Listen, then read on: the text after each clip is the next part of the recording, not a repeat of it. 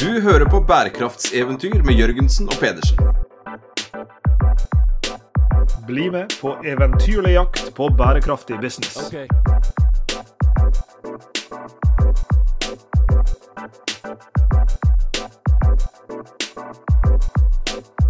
Det er en glede å dra ut på bærekraftseventyr med Torgeir Skyttermoen, som er førstelektor i prosjektledelse ved Handelshøyskolen på Oslo OsloMet og faglig leder for, for, School of Management på eh, den samme institusjonen. Velkommen til oss, eh, Torgeir. Takk for det. Hyggelig å få lov til å møte dere her også. Ja, og Vi gleder oss til en samtale om hvorfor bærekraft trenger prosjektledelse. Og Det gjør det jo, og det skal vi grave oss godt ned i dag, Sveinung. Det, det, skal vi. og Det er egentlig en sånn episode hvor Lars, Lars Jakob og Sveinung ber om hjelp til selvhjelp. Hvor mye bedre hadde vært vårt eh, profesjonelle virke, bærekraftsvirke og eventyr. Hvor mye bedre kunne det vært hvis vi hadde kunnet litt mer prosjektledelse. Og Vi bør jo også si her innledningsvis at vi eh, har jo gleden av å samarbeide videre, bl.a. i forskningsprosjektet eh, SustainX, eh, hvor vi jobber med bærekraftig business og bærekraftig forretningsmodellinnovasjon på mange måter sammen med mange ulike bedrifter. Og, og der Torgeir, er jo din rolle knytta nettopp til prosjektledelsesdimensjonen som, som, har med bærekraftig forretningsmodell innovasjon å gjøre. Og Hvis vi virkelig skal begynne med det store spørsmålet, da, så skal vi jo bruke hele denne episoden på å besvare det. Men vi kan stille spørsmålet med en gang. Hvorfor trenger bærekraft eh, prosjektledelse? Det er jo egentlig et ganske stort spørsmål, men det er jo mye fordi at eh, prosjektledelse har eh, hva skal vi si, en tilnærming og, og metoder og hjelp og støtte som kan bidra til å skape bedre løsninger. Og, og da må det føyes til også at eh, tradisjonell prosjektledelse, eh, hvor man har en ganske klar problemstilling eh, og, og, og, målet er relativt definert, da er det kanskje litt mer begrensa. Men, men, en litt mer moderne prosjektforståelse hvor man nettopp tar hensyn til de ulike usikkerhetsmomentene, til, til det at det, det, handler om å prøve seg fram osv., så, så vil en, eh, si, en, en ryddig og, og og, og tilpassa bruk av prosjekt og prosjektledelsesmetodikk, forståelse og tilnærming kunne være til, til god hjelp. da. Hvis vi hadde hatt en sånn intern konkurranse mellom våre fagfelt, eh, Torgeir, så, så eh, vi stønner jo litt over at bærekraft blir brukt og, og, og misbrukt. Men eh, jeg tror prosjekt hadde leda litt der, Torgeir. For prosjekt det brukes jo om alt og ingenting. Hvis du skulle begynt helt fra, fra, fra scratch her, hva er et prosjekt, og hva er ikke et prosjekt? Altså, prosjekt er jo for det første at det er tidsavgrensa. Det er det mest karakteristiske kjennetegnet. Og så er det det at det skal være en såkalt engangsoppgave, eh, som er, eh, ikke er gjort før, og som ikke passer til å gjøre i ordinær drift. Altså noe som er litt unikt. Eh, så vil jo den graden av unikhet variere ganske betraktelig. Eh, og så er det det at, den, eh, at det er, består av en, en midlertidig organisasjon. Altså det er en organisatorisk innretning. Eh, og så det siste, eh, Som da skal skape en ny løsning, som er, er, er, unik. Men det mest sentrale er allikevel at det skal skape en merverdi for det vi kaller for oppdragsgiver. Altså at det skal, eh, det skal føre til noe annet, det skal oppnå et formål. Det er betingelse. Så hvis noen av de komponentene knytta til tidsbegrensning, til at det er unikt engangsoppgave, eller at det ikke skaper noe merverdi, så er det ikke et prosjekt. Jeg tør jo påstå at vi har fått hjelp eh, lenge før i dag. Jeg sier at vi skal få hjelp til, til selvhjelp i dag, men vi trakk jo deg da inn bl.a. i Sustain X eh, tidlig. Og det er vel et typisk prosjekt, da, om jeg forstår deg rett. For man skal uh, søke om noe, det, det, går over tid. Det er en engangshendelse som vi håper jo skal uh, kunne føre til flere prosjekter, men det kan vi jo holde, holde utenom her. Um, og, det, og det kreves en midlertidig organisasjon, og den organisasjonen er da ikke så veldig satt. Den er på tvers av organisasjoner. NHH er inne, Høgskolen Innlandet er inne, etter hvert da Oslo OsloMet, hvor du da nå også jobber, eller jobber. Eh, og så har man eh, Carrot, som har vært på besøk hos oss før. Orkla. Eh, og så har man Forskningsrådet, som, som, er en partner der. Og så etter hvert som dette her prosjektet går, så har man da fått flere og flere partnere etter hvert, fordi at man involverer seg i prosjekter med, med, andre, med andre, andre, organisasjoner også. Og, og, der husker jeg vi hadde diskusjoner allerede da vi søkte om dette her, for, for der er det mange mange sånne prosjektbegreper som, som brukes. Milepæler, f.eks. No, noe som alle kanskje har en sånn viss idé om hva er, men når det kommer til stykket, hvordan formulere disse på en sånn måte at de både fører til at du får prosjektet, får pengene, men også at det gir noe energi inn i prosjektet. Så Sånn sett så har jo du, Torgeir, vært en litt sånn prosjektpresident da, i dette nå kanskje ja, tre mot fireårige prosjektet, som nå er på vei mot avslutning. Ja, nei, det, er jo, det, er jo, et typisk kjennetegn det du, du, sier der med prosjekter, at det er eh, det tverrfaglig og gjerne også tverrinter, eller altså interorganisatorisk, hvor det nettopp krever ulik type kompetanse, ulike typer virksomheter som bidrar inn. Det, det er slett ikke vanlig. Eh, så det er sånn sett et typisk kjennetegn. og og I og med at du nevnte milepæl, så er jo det også en, eh, et mye brukt begrep i prosjekter. ikke sant? Og, og og vi har en ganske stor tradisjon for å bruke de litt uh, enkelt og litt, litt feil. fordi altså, Hvis man mener milepæl, som egentlig betyr, eller kommer fra det latinske mile passe, som betyr uh, eh, 1002 skritt fra, fra romertida eh, som var altså Da soldatene marsjerte 1000 sånne, så nådde man en milepæl. Og det skulle markere avstanden til, til Rom, da. til Roma. Uh, og, og, Det er jo nettopp det det skal være. Milepæl skal være en kontroll, kontrollstasjon på at man er på vei. Uh, og Det skal ikke bare være et tidsbestemt uh, passerings, passeringspunkt, det skal også være knytta til noen betingelser og tilstander som skal være oppnådd. Og, og, Det glemmer man ofte. for det Milepæler skal nettopp være det, et passeringspunkt som vet at man er på rett vei. da. Det er nok interessant her, Torgeir. Det kan godt hende at det spørsmålet jeg skal stille nå er, er, er for, for, stort. eller for, ja. Men jeg prøver meg likevel. Eh, for jeg for å trekke en parallell til et, et mye brukt eksempel i innovasjonsfag, det er IBM. At når IBM skulle gå fra å lage disse kjempestore mainframe-maskinene til å lage mindre maskiner, og senere skulle lage laptoper og senere mer sånn digitale løsninger. Så for hver gang de satte opp en ny forretningsområde og ny forretningsenhet, så dro de bevisst til et nytt sted. Så de, de flytta, altså de, de, satt ikke der som de som hadde den eksisterende liksom, inntjeningsmodellen eh, satt. de de ville, gi dem fred, så skal de sitte et annet sted, trekke på de samme ressursene, men liksom få jobbe i, i ro og mak. Eh, og, og, Der er vel noe av tanken. altså at du setter på en måte opp en slags prosjektorganisasjon som har som formål å på et tidspunkt skulle bli skulle bli en del av, eh, og, og kanskje til og med ta over. Ja? Eh, og, og, så er det jo slik, apropos milepælene dine, at av og til så går prosjektfaser raskere over. og blir, altså En ser at oi, dette her har vi tro på. Og, og derfor så på en måte det baker vi det inn i den vanlige organisasjonen raskere enn vi trodde. altså Nesten som at du løper forbi milepælene raskere enn du hadde venta. Jeg, jeg, tror spørsmålet som jeg stiller er noe i retning av hva er fordelene og ulempene med en prosjektorganisering? Altså Med det mener jeg er der snubletråder knytta til å liksom løpe for raskt forbi og tenke at nå skal, vi, nå skal, vi, sette dette her inn i den vanlige driften. Eh, er det liksom slik at en bør, være, en bør forholde seg tro til at dette prosjektet skulle jo ha en treårig varighet, så la oss beholde det som et prosjekt i tre år? Eller ja, du, du, du, skjønner kanskje spørsmålet? Det er jo et uh, si, komplisert spørsmål, det. Uh, men, men, hvis jeg skal si noe knytta til det med fordeler med å ha en egen prosjektorganisatorisk innretning, da, uh, så er jo nettopp det litt av det du antyder med eksempel opp imot IBM. At man da får jobbe dedikert Eh, jeg vil ikke si i fred, for det skal man ikke gjøre, men man får jobbe dedikert og avskjerma. Eh, og det er jo en veldig stor fordel i mange sammenhenger. Da, og det er jo noe av det som kjennetegner også prosjekter. At man får nettopp de dedikerte ressursene, den dedikerte oppmerksomheten opp imot prosjektet.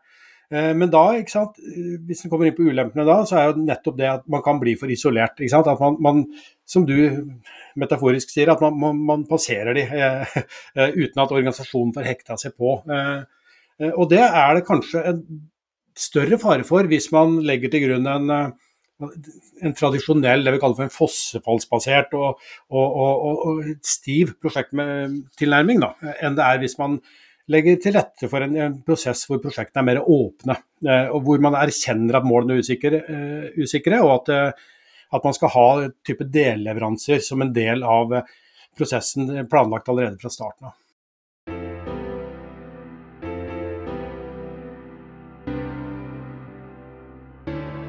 Dette her er det mulig å skrive side opp og side ned om, eh, Torgeir, og det har du også gjort. Uh, gratulerer med, med, en ny utgave av eh, Verdiskapende prosjektledelse. Takk for det. Uh, når, du sier, og når du gratulerer meg, så vil jeg jo inkludere min medsammensvorne Anne Live Vågasar fra, fra BI. som vi har produsert alle bøkene sammen på.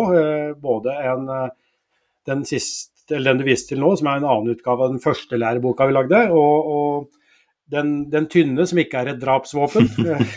Spørs hvor hardt du slår det. Nei, jeg tror ikke den, den er såpass tynn. tynn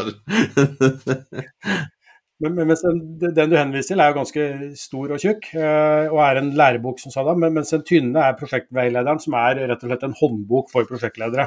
Eh, og den har vi skrevet eh, de har vi skrevet sammen, og, og, vil bare også føye til at vi har gitt ut en på, på, Sage på engelsk sammen med en stor kapasitet. Eh, Stuart Clegg, eh, engelsk professor i Australia, som har vært med på det. Eh, og, og det, er, det, har vi gjort da, med utgangspunkt i at veldig mye av litteraturen som finnes eller har funnes fram til nå eh, når det gjelder prosjektfaget, har vært eh, basert på tradisjonell prosjektforståelse og tilnærming, hvor, hvor man kan planlegge fra A til Å, og at verden er rasjonell og, og ingeniørpreget.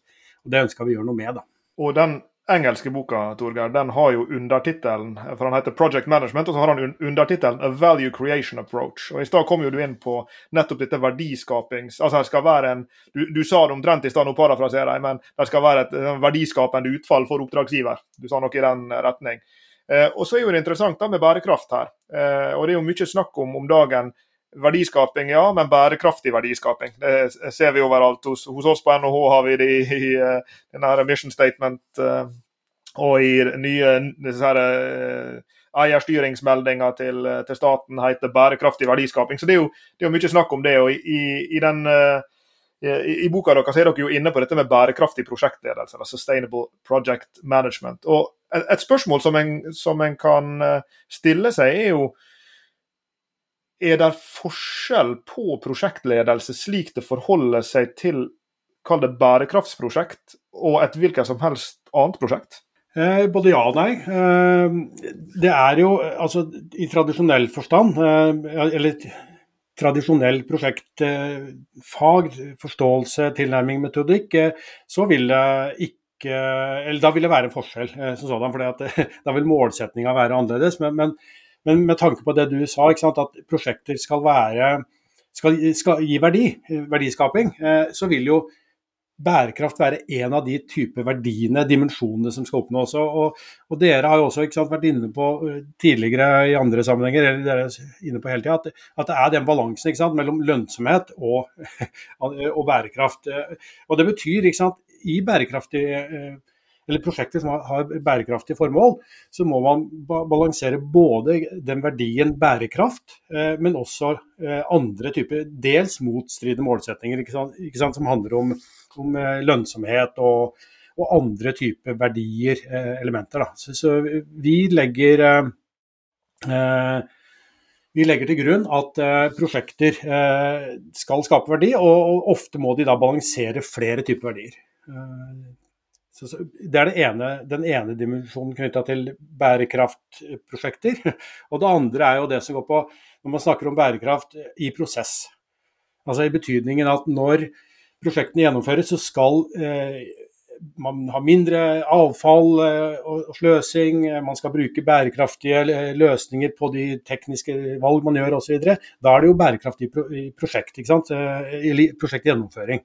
Så man vil kunne se det både, både i prosess og som, mål, som, en målsetning. Da. Ja, og Du har jo sagt til oss eh, før Torgeir, når vi har snakka om, om uh, verdiskapende prosjektledelse med deg, at, at usikkerhet uh, er Og du var vel kanskje inne på det i stad også, at, at, usikkerhet er noe av grunnen til at en trenger prosjektledelse. Og Jeg tenker på bærekrafts problematikk i vid forstand, eller, eller, kanskje en bedre måte å si det på, innovasjoner for bærekraft. Altså når noen skal omstille forretningsmodellen sin til, og som du var inne på, generere mindre avfall, eller gå fra en eh, produktbasert til en tjenestebasert modell, eller gå til en mer sirkulær retning, samme hva det måtte være, så er det jo nettopp fryktelig mye usikkerhet. Fordi at det ofte handler om å drive business på helt andre måter enn det den virksomheten har eh, har gjort før. Eh, så, så, kanskje kan du si litt om det, altså både generelt, altså, sammen, altså hvorfor usikkerhet og, og prosjektledelse er så, er så nær sagt har så mye med hverandre å gjøre, og, og kanskje også da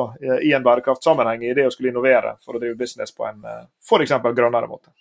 Det er, veldig, det er, en veldig sterk sammenheng mellom usikkerhet og prosjekt. fordi at Er det ikke usikkerhet, så er det ikke behov for prosjekt.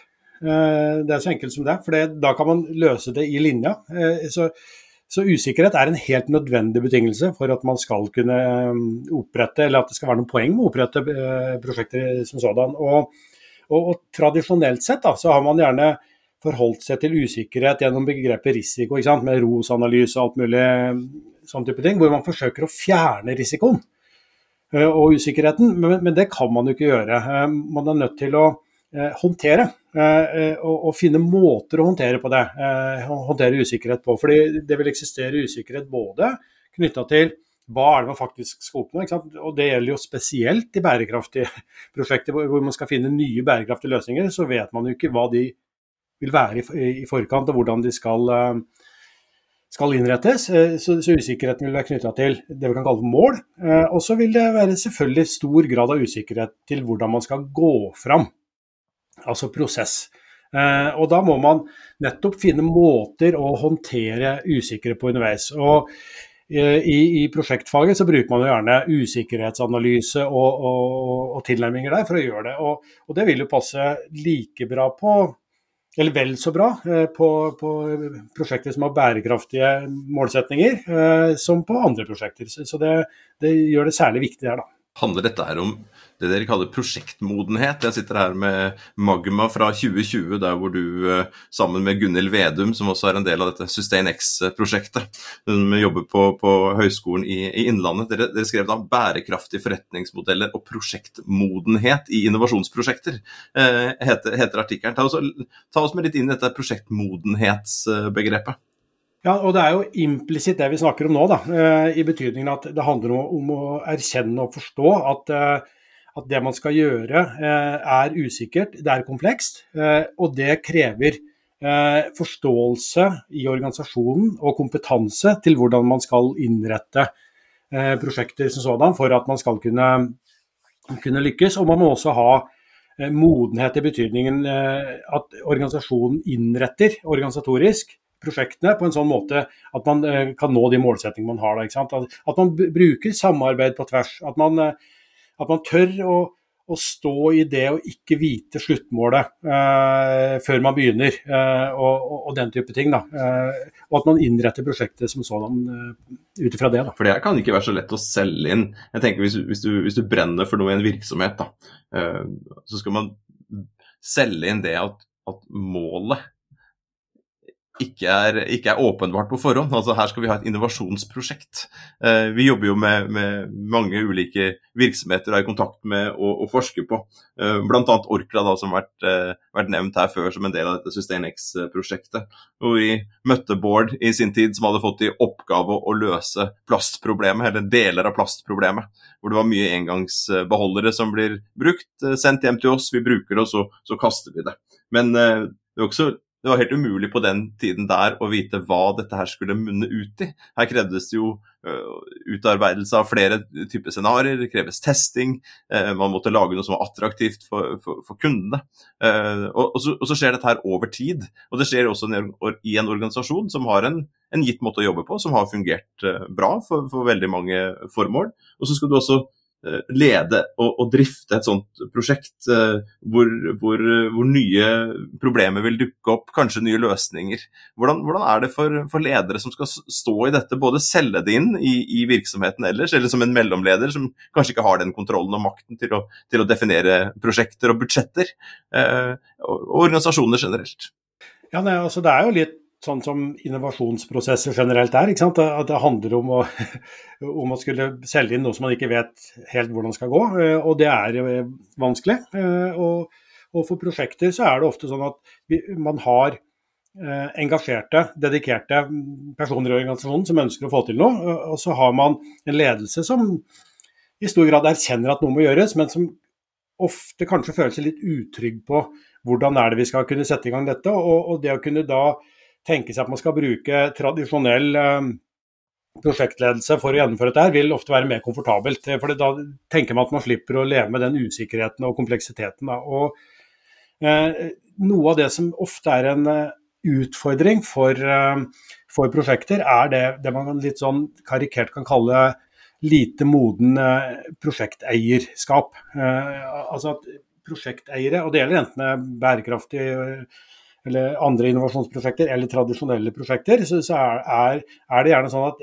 ledelsen har det travelt og har mye å forholde seg til, og de setter i gang et prosjekt. og så, og så sier de 'sett i gang', og så venter de bare på at det skal bli ferdig. altså Det er som 'fire and forget'. Uh, for, for, og regner med at det skal håndteres. Men mens når det er uh, type prosjekter som er, det er knytta så mye usikkerhet, usikkerhet, til, så er man avhengig av at man har en forståelse hos ledelsen til, til at dette her handler om å, og, er, og, vite at man ikke vet helt hvor man skal osv. Og, så og at man da har en god eh, både forståelse, men også gjensidig dialog og kommunikasjon mellom det vi kaller for oppdragsgiver, skråstrek prosjekteier, altså den som eier ressursene og prosjektet, og eh, den som gjennomfører, altså prosjektleder. Så det er helt essensielt der. Men det er jo vanskelig, det, da. Og, fordi at nettopp det, det dreier seg om at det, eh, man vet ikke helt hvordan det går, og hvordan man skal gå fram. Og det er fram og tilbake. Og, og, og som nevnt mye usikkerhet og kompleksitet. Så, så det, er, det, er, krevende. Eh, og det gjør jo også at eh, mange ikke lykkes, selv om de prøver og har gode intensjoner.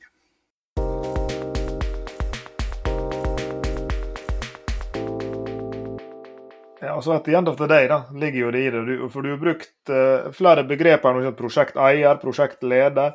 Uh, og, og, dette her er jo, uh, som Sveinung liker å si, dette her er jo bare folk.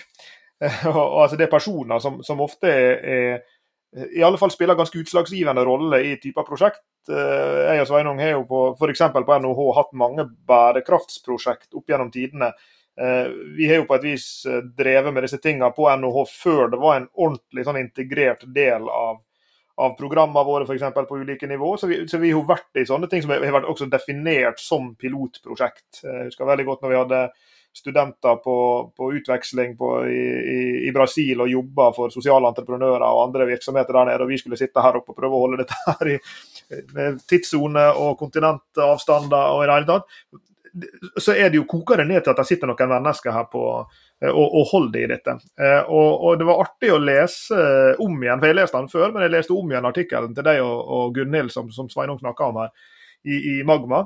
Eh, som vi kan anbefale lytterne her å, å, å lese. Og, og, Der bruker dere jo dette caset som, som jeg og Sveinung kjenner godt fra en annen vinkel, nemlig Orkla sitt påfyll prosjekt eh, som eh, pleide heter Essentials. og Før det så heter det vel ingenting. Men det, var, det starta med en idé om at Orkla skulle kvitte seg med plastproblemet sitt. og, og som en del av det så skulle de ut utforske og, og, eksperimentere med. og Jeg har lyst til å komme tilbake til eksperimentering, men de skulle eksperimentere med nye forretningsmodeller. Og Der ble jo det plassert en person på, på toppen av, den, av, det prosjektet. Han heter Bård Bringsrud Svendsen og hadde vel, og har vel kanskje fortsatt tittelen Sustainability Innovation Manager.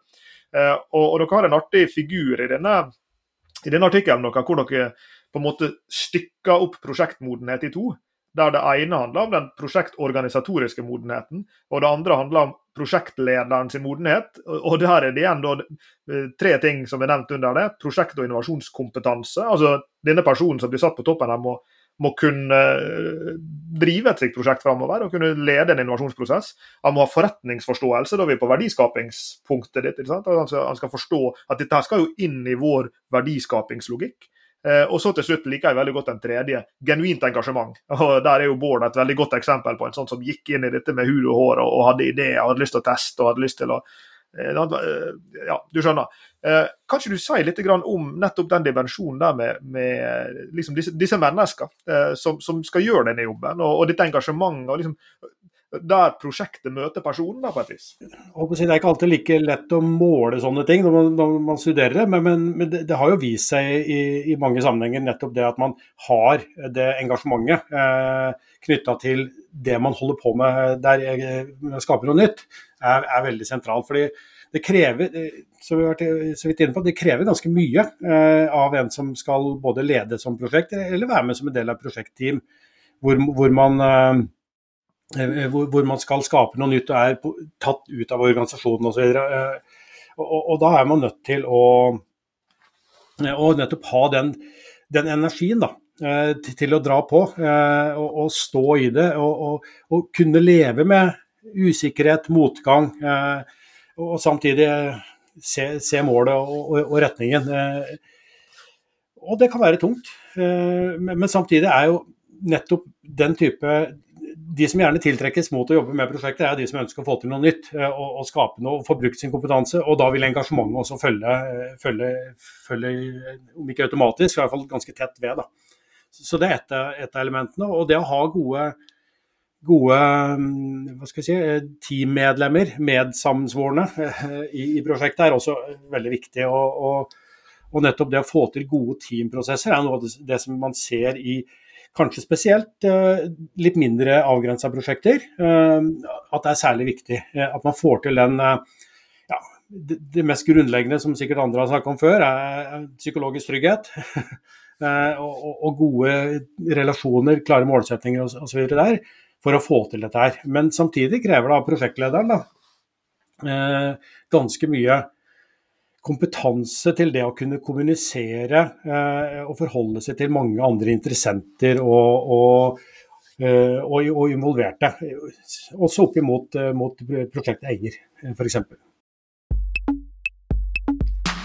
Torgeir, jeg har jo fulgt din karriere. Vi har fulgt hverandres karriere. Jeg flytta til, tilbake til Lillehammer i, i, 2004. og Da ble vi kollegaer på, på det som da het Høgskolen i, i, Lillehammer. og Jeg husker at du hadde da ansvar for et prosjekt og jobba i administrasjonen.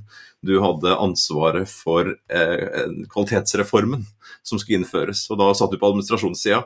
Um, og jeg tror ikke det var i din blideste periode. Jeg, jeg, jeg, opplevde, jeg, opplevde, det som relativt frustrert, som skulle på en måte innføre disse nye tankene omkring uh, utdanning og kvalitet. Uh, og, og spole deg litt framover da, så, så, gikk du jo faktisk over fra en administrativ stilling til en faglig uh, stilling.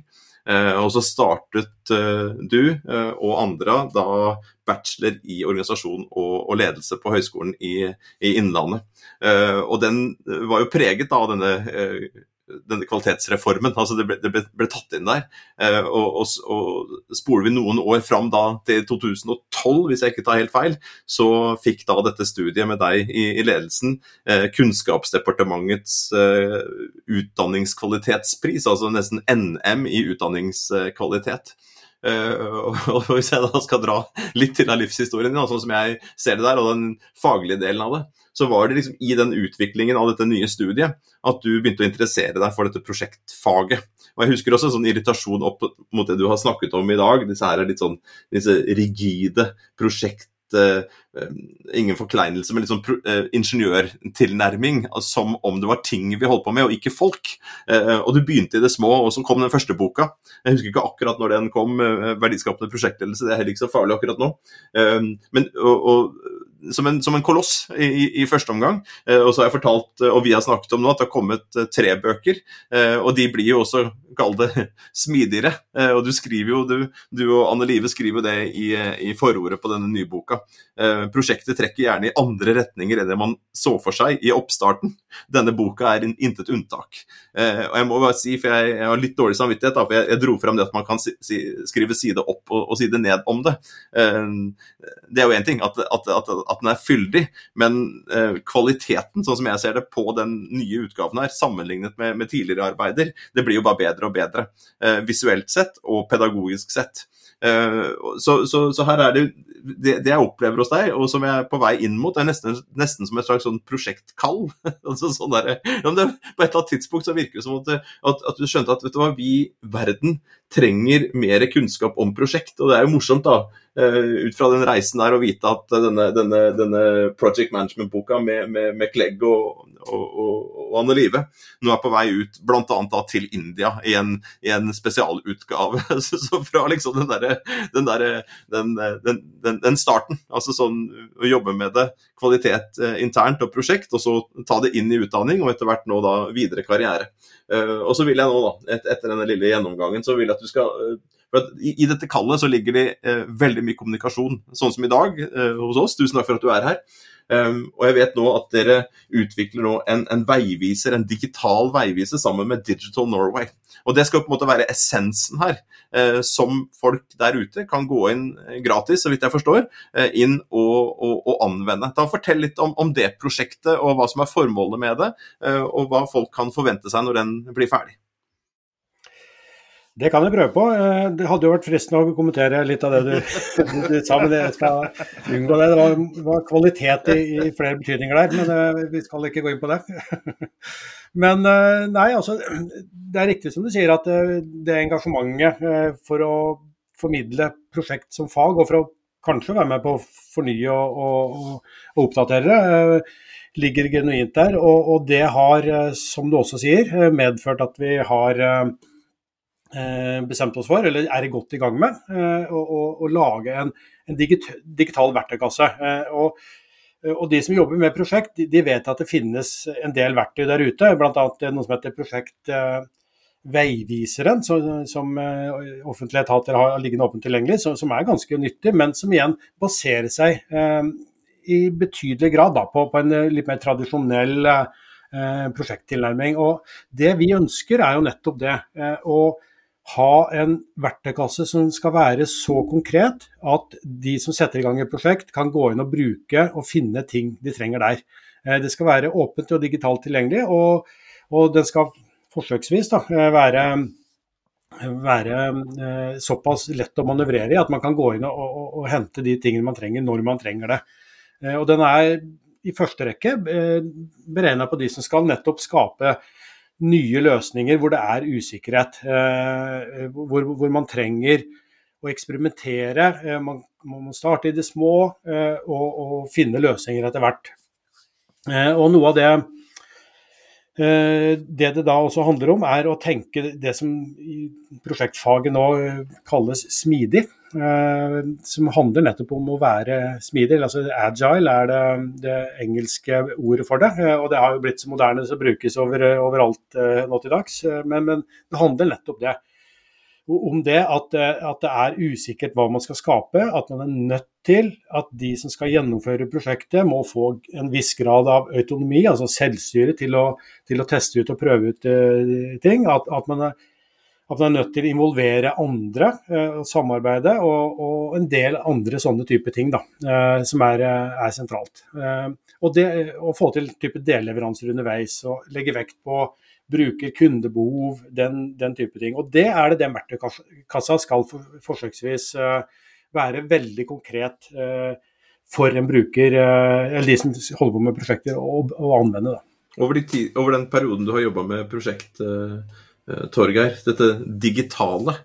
Eh, det var ikke så veldig digitalt da, da du begynte. Altså det, det, var jo det, absolutt. Altså vi, vi, vi, vi, hadde jo internett, for å si det sånn. Men allikevel, over, over, tid her, hvordan har digitalisering eh, kommet inn og, og preget denne prosjekthverdagen? Det har jo gjort hjelpemidlene mer og lettere tilgjengelig.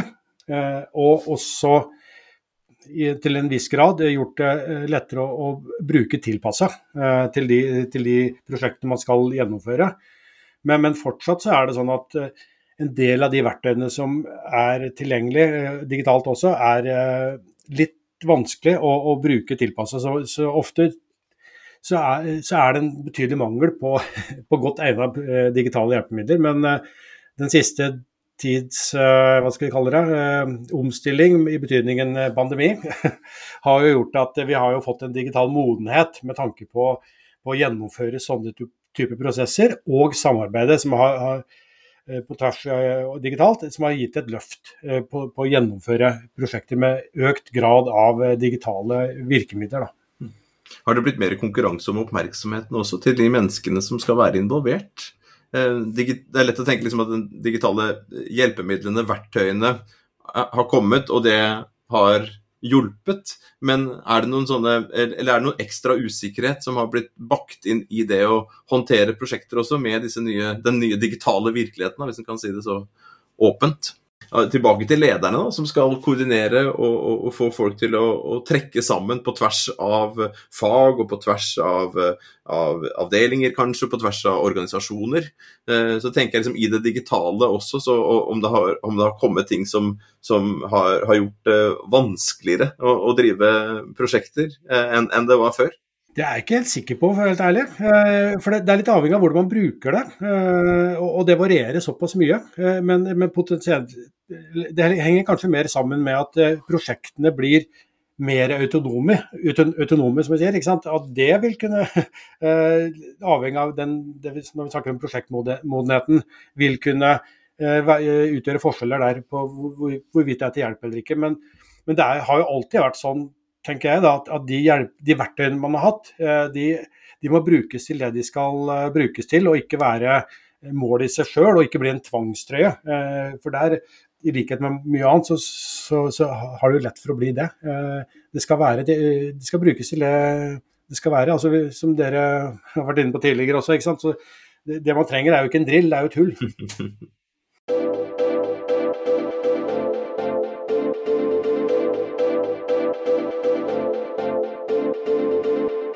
det som jeg syns er noe av det særlig viktige bidraget i arbeidet til deg og kollegaene dine på, på dette området, eh, Torgeir, det er jo nettopp det som du har vært inne på her. Dette med å kunne tilby noen egne metoder, noen framgangsmåter og noen verktøy til de lederne som skal sitte og faktisk gjøre dette. her. For, for dette vet en jo er krevende. Og jeg og Sveinung eh, er jo vant til å, å sitte med ledere og eksekutivdeltakere og hva det måtte være, som alltid etterspør nettopp det. Ah, hva er hva er rammeverkene, hva er framgangsmåtene, hva er verktøyene som, som, vi kan liksom ta med oss tilbake igjen og, og, og liksom sette, sette, ut i livet. Og, og, nå skal ikke jeg ta liksom denne klassiske sånn um, forenkla vulgærvarianten der jeg ber deg komme med de, de tre kule punktene, liksom. men, men, kan du si noe kan du ta noen sånne uh, kjappe råd til noen som, som har fått uh, lederansvar uh, for et bærekraftsprosjekt? For da, er det mange av, av lytterne våre som nettopp får de rollene der. Enten som liksom intraprenører i større virksomheter som skal, skal ut, utforme nye forretningsområder, eller det som, som Bård har gjort med påfyllprosjektet i Orkla, eller for den del i startups, som veldig ofte er jo utprega prosjektorganiserte på ulike måter. og De skal teste ut noen ulike spor. Eh, og De vet kanskje ikke helt hvor det er de skal, akkurat hvilket kundesegment det er de skal betjene, akkurat hvordan teknologien deres skal ta form der ute i, i markedet.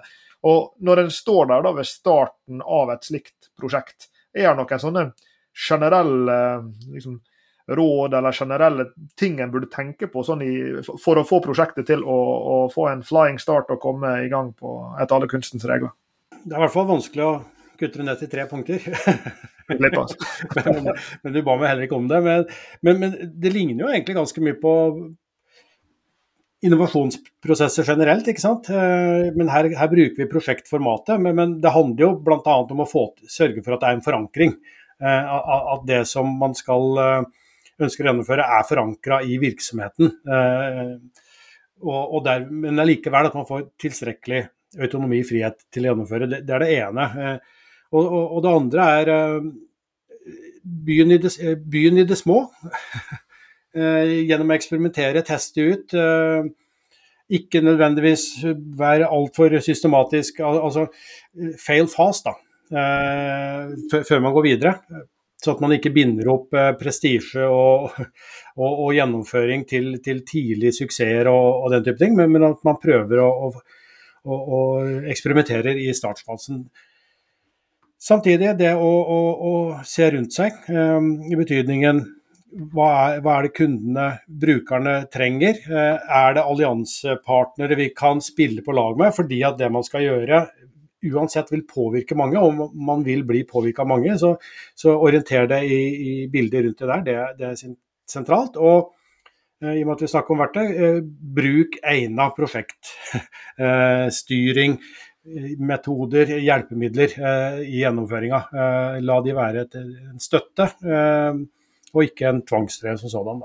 Hvis du hadde vært sånn der cowboy nå, som kunne gravd en grav langt ut på, på prærien og så skutt noen sånne metoder og verktøy som absolutt skulle vært begravd, Hva er det vi egentlig bør legge bak oss nå? Det noe som heter nettverksplaner, er nå én ting, men det, det brukes heldigvis. Det er begravd, tror jeg. Men, eh, men fossefallsmetodikk, altså den eh, prins 2, tenk, altså den tradisjonelle tilnærmingen, altså hvor man tror at man kan planlegge fra A til Å, eh, det, det kan man legge fra seg. Brukes det fremdeles i dag? Ja, det gjør det. Og eh, jeg må jo ile til å, å, å si at eh, i type bygg- og anleggsprosjekter, eh, så vil de fortsatt ha sin, sin berettigelse. Så, så, så, det gjelder ikke overalt. Men, men, der hvor det eksisterer i stor grad usikkerhet, så passer det ikke lenger. Jeg er litt nysgjerrig på, Torgeir, om en, en vet noe om effekten av prosjektorganisering, og kanskje vellykka prosjektorganisering, på den videre organisasjon som det skjer i. Altså, jeg, jeg ville på en måte kanskje tenke at, at de bedriftene som lykkes med å gjennomføre prosjekt, og kanskje gjør det flere ganger, og kanskje blir det en del av kulturen i virksomheten også, at det har noen positive feedback-looper til virksomheten som sådan, også langt utafor prosjektet sine rammer. Eh, kan du kommentere på det? Ja, og det tror jeg er et veldig, veldig, viktig poeng. Og da er vi litt tilbake til det som eh, Når du snakka om den figuren i, i artikkelen til, eh, til Gunhild og meg, eh, om den prosjektorganisatoriske modenheten. Det å ha en innretning og forståelse at prosjekter altså må Eh, medføre eh, usikkerhet og, og, eksperimentering. Eh, det gjør også at altså når organisasjonen blir trygg på det, og, og, tør å innrette seg og forholde seg til det, så vil også det spre seg som en, som en holdning i større grad. At, man, at, dette handler om å prøve ut, og det handler om å lære. Det handler om å, å gå i loop og, og teste ut osv. Så, videre. så, så det, det, viser jo også forskningen, at, at de som er opptatt av, av nettopp det å bruke prosjekter som et virkemiddel eh, for å skape verdier, og tørre å anerkjenne den usikkerheten og, og kompleksiteten som er der. Eh, at man ikke kan ha den fire and forget-holdninga, men at, at, at, ledelsen må gi autonomi, men være påskrudd og koble på, det, det, det, gir også en utvikling i organisasjonen som sådan. Og, altså, alle organisasjoner bruker jo stor grad av prosjekter. Eh, så, det er egentlig bare å se på hvilke, nei, unnskyld, hvilke organisasjoner som lykkes over tid med endringer. Så er jo det også svar på hvem som har lykkes med prosjekt, eh, prosjekter og prosjektforståelse. Jeg vet du har vært opptatt av, av team lenge. Eh, er det en viktig suksessfaktor? Det er det jo avgjort. For det er jo, det er jo folka som skal gjøre dette her. og, det er jo folka som skal samhandle. og Jeg nevnte så vidt i stad altså Teamet er jo den organisatoriske enheten. og For at den skal fungere, så må, så må også det teamdynamikken være på plass. Eh, og, og, Da er vi igjen tilbake til, og, og det ser vi også i, i, større grad, at eh, det begrepet psykologisk trygghet, da, som misbrukes og brukes overalt nå, det, det er, er, er, det grunnleggende. Fordi at når man jobber i prosjekter, så er man som regel eh, tverrfaglige eh, og, og, har ulike tilnærminger og forståelser. Og, og, og, da må det også være en type dynamikk som gjør at den kan bli brukt. Eh, og, da må man ha tryggheten på at, kan, eh, at man kan komme med ideer og, forslag osv. som er på, på, tvers av det, for å få til, å få til den, de nye løsningene osv du brukte ordet på tvers nå, og da fikk jeg en assosiasjon. fordi Du var inne på tidligere, det var vel når Sveinung dro eksempelet med dette forskningsprosjektet som går på tvers av mange både bedriftspartnere og, og for så vidt statlige forskningsinstitusjoner. Eh, og, og, noen eh, prosjekt har jo den eh, nær sagt eh, interorganisatoriske eller, eh, altså På tvers av organisasjoner har, har, har et slikt karakteristika. Er her vi har liksom noen eh, Jeg tenker på sirkulærøkonomien, bare for å utdype. da. I sirkulærøkonomien eh, så, er det, er det utprega slik at, at, forretningsmodeller handler om at f.eks. en bedrift ja, La oss ta et konkret eksempel. da, en, eh, en, fis, I fiskebransjen så er det noen som, som er fiskeoppdrettere, og så blir fiskehodet alltid kappa av før fisken skal fileteres. Og så borti gata her så sitter det en fyr som har en annen bedrift som kan uh, bruke disse fiskehodene til å lage omega-3-olje av. Og så er det en tredje virksomhet som kanskje skal knytte dem sammen på en eller annen måte. Uh, og da, da, I en prosjektfase der da, så vil jo prosjektet veldig eksplisitt gå på tvers av organisatoriske grenser. Da er det plutselig en kake som skal både bakes og han skal deles opp og han skal fordeles og osv. er, er det noe vi vet om forskjellen på altså, interne prosjekt internt i en virksomhet kontra disse typene prosjekt som innebærer at det er flere kokker på kjøkkenet, og, og denne kaka skal både bakes sammen og fordeles? Ja, altså jo flere for å snakke sånn generelt, jo flere ansvarlige aktører som er involvert, jo mer komplekst eh, blir det.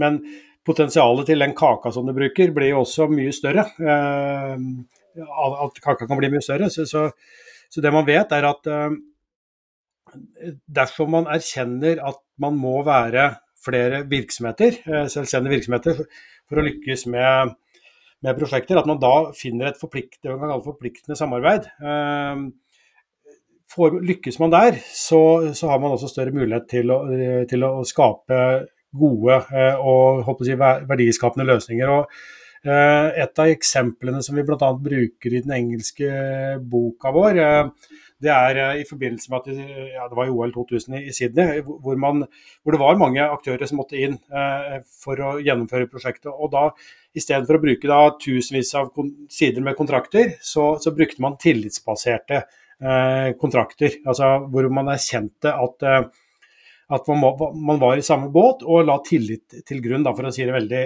overfladisk og enkelt. Eh, og Det er vel egentlig noe av det vi har sett i det forskningsprosjektet, eller det prosjektet som, um, som Påfyll Essentials også er. At hvor det har blitt flere aktører som er, inngår forpliktende samarbeid, gjør det på en tillitsbasert uh, måte. Og, og, Det finnes også flere andre eksempler på at det er gjerne det som må til for at man skal kunne uh, lykkes med prosjekter, uh, gitt at man ikke kan gjøre dette her alene.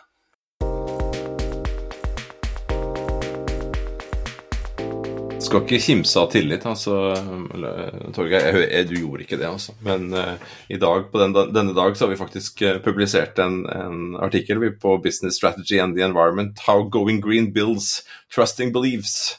Uh, og tillit her knytta til usikkerhet, knytta til prosjektene, knytta til team. Få folk til å trekke sammen i, i samme retning når de egentlig kanskje ikke jobber sammen og jobber med forskjellige ting. Vi startet jo denne episoden med, med det overordna spørsmålet hvorfor trenger bærekraft eh, prosjektledelse? Eh, så da spør jeg deg da, Lars Jakob. Hva tenker du nå etter, eh, denne praten, når vi skal ut der og, og, og jobbe med alle disse bærekraftsansvarlige som, som, som, vi jobber med i ulike sammenhenger og, og styrer og, sånne ting? Dine tre bullet points, da, eller, eller kulepunkter? Hva vil være dine råd eh, basert på hva vi har snakket om her i dag? Det er mange ting, og jeg syns vi berørt mange fasetter av det som er oppfatter som bærekraftsinnovasjonsutfordringer. Så tenker jeg litt på bærekraftsansvarlige utfordringer. I dag har vi snakka mye om den prosjektansvarlige. og En sånn eh, liksom, eh, takeaway jeg får her, det er jo at den bærekraftsansvarlige i virksomheten vil jo veldig ofte være en prosjektansvarlig. og, og jeg tenker på en en, en, god venn av oss Sveinung, som for ikke lenge siden ble bærekraftsdirektør i en stor norsk retail-aktør. Og, og, Hun sa jo til oss at eh, noe av jobben min som bærekraftsansvarlig er jo nettopp å, å, å, knytte sammen de ulike, de som sitter på CFO-ens kontor, og de som sitter nede på, på, sortiment, og de som sitter på reparasjon, og de som sitter her og de som sitter der. Og, og at det er noe ved den rolla som en person som har ansvar for bærekraft i virksomheten, da kan nå enn arbeidstittelen din er, som jeg tror har en sånn utprega prosjektkomponent ved seg. Eh, en annen ting som, jeg, eh, som er en takeaway for meg her, det, det er jo Eh, Torgeir har vært inne flere ganger på roller til eksperimentering, prøving og feiling. Det å forsøke å ta ned risikoen knytta til den veldig betydelige usikkerheten og kompleksiteten som enhver ny, altså ethvert nytt prosjekt har, og som jeg tror ethvert bærekraftsinnovasjonsprosjekt alltid vil ha. Fordi det handler nettopp om at ah, nå skal vi gjøre noe betydelig, enten med produktet og tjenesten vår, eller ved måten det er framstilt på, måten det er distribuert på. Sånn måten eh, kundene skal forbruke det på, kanskje til og med gjenbruke det på, osv. osv. osv. Og, og den typen usikkerhet og kompleksitet som ligger i å skulle teste ut det, kanskje parallelt med at du fortsatt står, på, står trygt på det andre beinet, den business as usual-modellen som har tjent bedriften lenge, det vil jo også nyte godt av en sånn prosjekttilnærming som det her, tenker jeg. Forsøke da på systematiske måter å, å ta ned denne usikkerheten der. Det er i alle fall to takeaways som jeg umiddelbart får. Og så har vi diskutert veldig mange flere ting, og jeg er sikker på Torgeir, at du får både assosiasjoner og videre tanker til det jeg sier her. Ja, nei, Du er inne på noen veldig sentrale ting. og, og og, og, noen av de prosjektene vi snakker om nå, er jo ganske store prosjekter. ikke sant? Men, men, veldig mye av det som gjøres av prosjekter, også når det gjelder bærekraftsinitiativ, eh, er jo knytta til små. Eh, det, det mange, De fleste virksomheter i Norge er jo små. Eh, og når de skal gjøre noe, så, så vil det også ofte være eh, små, småskala, eh, selve prosjektene. Og, og, og, det å nettopp gjøre sånn som du sier da, tørre å starte i det små før man skalerer opp og, og gjennom eksperimentering osv., er noe av det sentrale. Og, og, da er jo litt tilbake til det med, hvis vi skal kalle det moderne prosjektforståelse, eller smidig, eh, at det er en, eh, en holdning og en forståelse man bør legge til grunn. Altså det med å satse på delleveranser, altså få til ting til å fungere underveis. Det å gi autonomi til de, skal, de, som skal gjennomføre det, og gjennom å ha fokus på hva er det eh, brukerne, kundene, vil ha, hvilke typer løsninger, eh, som, som, målsetting hele tida. Og, og, ikke henge seg opp i en lineær prosess. Det er kanskje noe av det mest sentrale som kan legge til, til grunn, tenker jeg. da. Torgeir Skyttermoen, tusen takk for at du ville være med oss på, på bærekraftseventyr.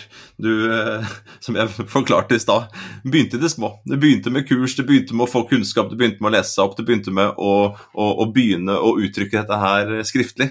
Eh, og jaggu så går eh, prosjektledelse og project management og dette her verdiskapende eh, perspektivet eh, på, på, på, på prosjekt, prosjekter og prosjektledelse.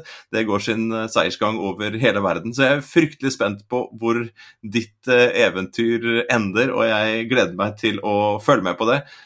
Tusen takk for at du har gitt oss det du har gitt oss i dag, og inn i våre mange forskjellige prosjekter underveis i disse årene. Det er jeg som skal takke. Utelukkende glede. Du har hørt på Bærekraftseventyr med Jørgensen og Pedersen. Send e-post til eventyr.krøllalfa.jorgensenpedersen.no for å stille spørsmål eller komme med forslag til tema for fremtidige episoder. Og besøk jorgensenpedersen.no for mer informasjon om denne podkastserien. Okay. Derfra kan du også fortsette samtalen med oss i sosiale medier på Twitter, Facebook, LinkedIn, YouTube og andre steder.